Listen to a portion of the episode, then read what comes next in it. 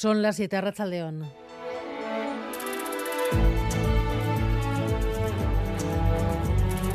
Gambara con Arancha García. Hay barcos que salvan vidas. El Aitamari tres días de viaje por delante hasta llegar a puerto que para que puedan desembarcar las 173 personas que esta mañana han rescatado del mar. Acabamos de hablar con el barco David Beramendi. Sí, el Aitamarí se dirige ya al puerto de Salerno. A bordo, 172 migrantes rescatados al suroeste de Lampedusa. Ramón Mateo, primer oficial del Aitamarí. La gente se encuentra bien, eh, vinieron eh, muy cansados, fatigados, con eh, las clásicas heridas pues, en los pies, las manos, cortes, pero bueno, ahora mismo ya todo el mundo ha podido comer, han podido dormir y parece que todo el mundo pues, se encuentra eh, tranquilo a bordo. Son mayoritariamente de Guinea, Senegal, Mali, Gambia y Burkina Faso, hombres y mujeres adultos, pero también 55 menores no acompañados, cuatro niños menores de 10 años y dos bebés. Estaban en siete embarcaciones muy rudimentarias y a la deriva. En ellas, en total, casi 300 migrantes. Y barcos que no han podido hacer nada por los cinco ocupantes del Titán. Las opciones de que puedan seguir alguien con vida son escasísimas. La última hora, además, es que se han localizado algunos restos en la zona. No se ha dicho más. Hay una comparecencia prevista para dentro de dos horas. Un dispositivo extraordinario, además de barcos, aviones con la última tecnología, robots submarinos, han rastreado 25.000 kilómetros cuadrados de océano, 250.000 dólares por un tour turístico junto al Titanic que, sin embargo, no prometía traerles de vuelta a casa. Alan Estrada viajó en el Titán en 2022 sabía perfectamente los riesgos a los que nos involucrábamos. Firmamos release de varias hojas, no recuerdo cuántas, en los cuales explica cada uno de los riesgos a los que corres, incluyendo el perder la vida, por supuesto. El miércoles 28 comienzan las restricciones por el Tour en Bilbao. Hoy se ha presentado el dispositivo. Todos los barrios se van a ver afectados, pero el ayuntamiento garantiza que todos van a tener garantizado el acceso. Eso sí, va a haber que evitar el coche.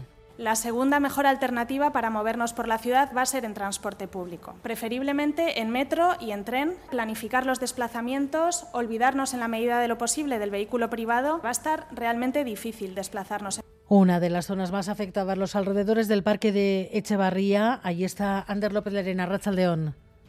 Sí, a León, uno de los 50 cortes que se esperan para la llegada del Tour a Bilbao será el de esta rotonda de acceso al Parque Echevarría, que se cortará el próximo miércoles hasta que acabe la grande parte en Bilbao, es decir, hasta el próximo 1 de julio por la noche. Cambios en la circulación que no gustan evidentemente a todos los vecinos, pero se amoldarán, dejarán el coche a un lado durante esos días y disfrutarán de la carrera. Escuchen. Bueno, bueno, pues es una vez al año, o bueno, una vez al año no, esto no sé cuándo se volverá a dar, así que bueno, hay que aguantar un poco. No, en principio coger el metro, así que no, para el trabajo no va a ser, no va a ser problema. Pues ese día no me muevo mucho, me quedo, hago otros planes y ya está. Cambios en el paisaje vial de Bilbao que llegarán el próximo lunes también con la reserva de aparcamientos para los vehículos del Tour. Todos estos cambios en la circulación se notificarán a los vecinos y a las vecinas y se señalizarán en los puntos afectados. El Ayuntamiento de Donostia detallará mañana las afecciones que supondrá la llegada de la carrera y decenas de municipios afectados y servicios públicos,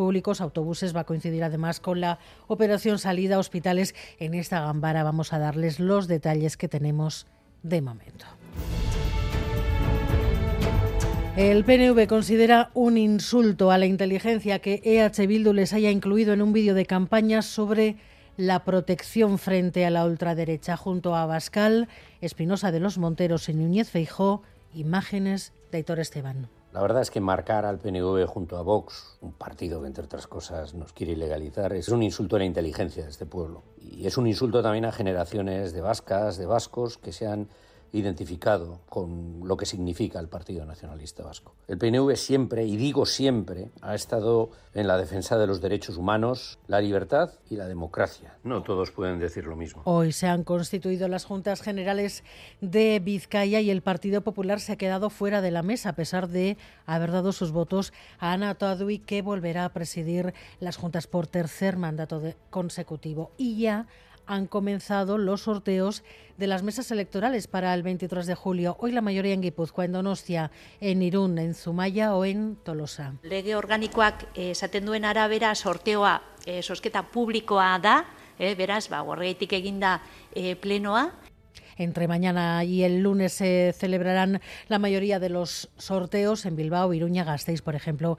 Esos sorteos serán el lunes y a partir de ese momento comenzarán a llegar las notificaciones. Los deportes, John Hernández, Arrachaldeón. Arrachaldeón, Joan Peñarroya seguirá siendo entrenador del Vasconia la temporada que viene. Club y entrenador han tomado la decisión conjunta de continuar con su compromiso durante una temporada más. Por tanto, el catalán comenzará su segunda temporada al frente del banquillo vasconista. Siguiendo con el básquet, Marta Alberdi ha renovado por una temporada más con el Lointec Guernica. El alero guernicarra seguirá siendo uno de los referentes del vestuario un año más. Además, hoy se ha sorteado el calendario de la primera división eh, del fútbol masculino. La liga lo ha dado a conocer este mediodía y todo ha quedado tal que así. En la primera jornada la Real se estrenará en casa ante el Girona, el Club Atlético Sasuna jugará en Balaídos ante el Celta, el Atlético recibirá al Real Madrid y el recién ascendido a la vez comenzará su nueva andadura en primera visitando al Cádiz. Por otra parte, esta mañana ha tenido lugar la presentación eh, del Palatour 2023, una competición que arranca este domingo y que finalizará el día 15 de julio en Arminza con la gran final. Y para terminar en fútbol sala, ha hablado Dani Saldís, el último fichaje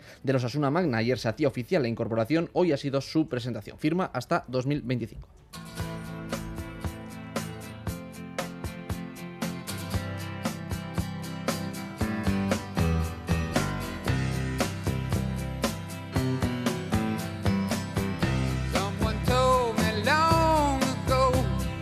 Había que trabajarse un hueco que te permitiera decir lo que había que decir a pesar de la censura y a pesar de, las sanciones, que a pesar de todo hubo, naturalmente, ¿no? Eso ya te ponía en una dinámica de buscar tu propio producto. Su voz inconfundible, la editorial Erein ha publicado el libro Mariano Ferrer, El periodismo reflexivo, Casetaritza eta Compromisoa, entre los que han participado Bernardo Achaga. Mariano bietza izan Bata da isilkeria eta bestea hizkuntzkeria. Hasiera batean Marianok behin guruan ze ikusi zuen, ba batetan ba gai ziela ez da ipature egiten eskutatu egiten zirela, ez? Aurre batean ba Gernikakoa eh, isildu zan bezala. Hori izan isilkeria, baina gero etorri izan hizkuntzkeria eta hori da mm, botereak, hola, nola baita esateko, ba hizkuntza nola erabiltzen, modu, bueno, ba, modu gaiztoan, hori da hizkuntzkeria.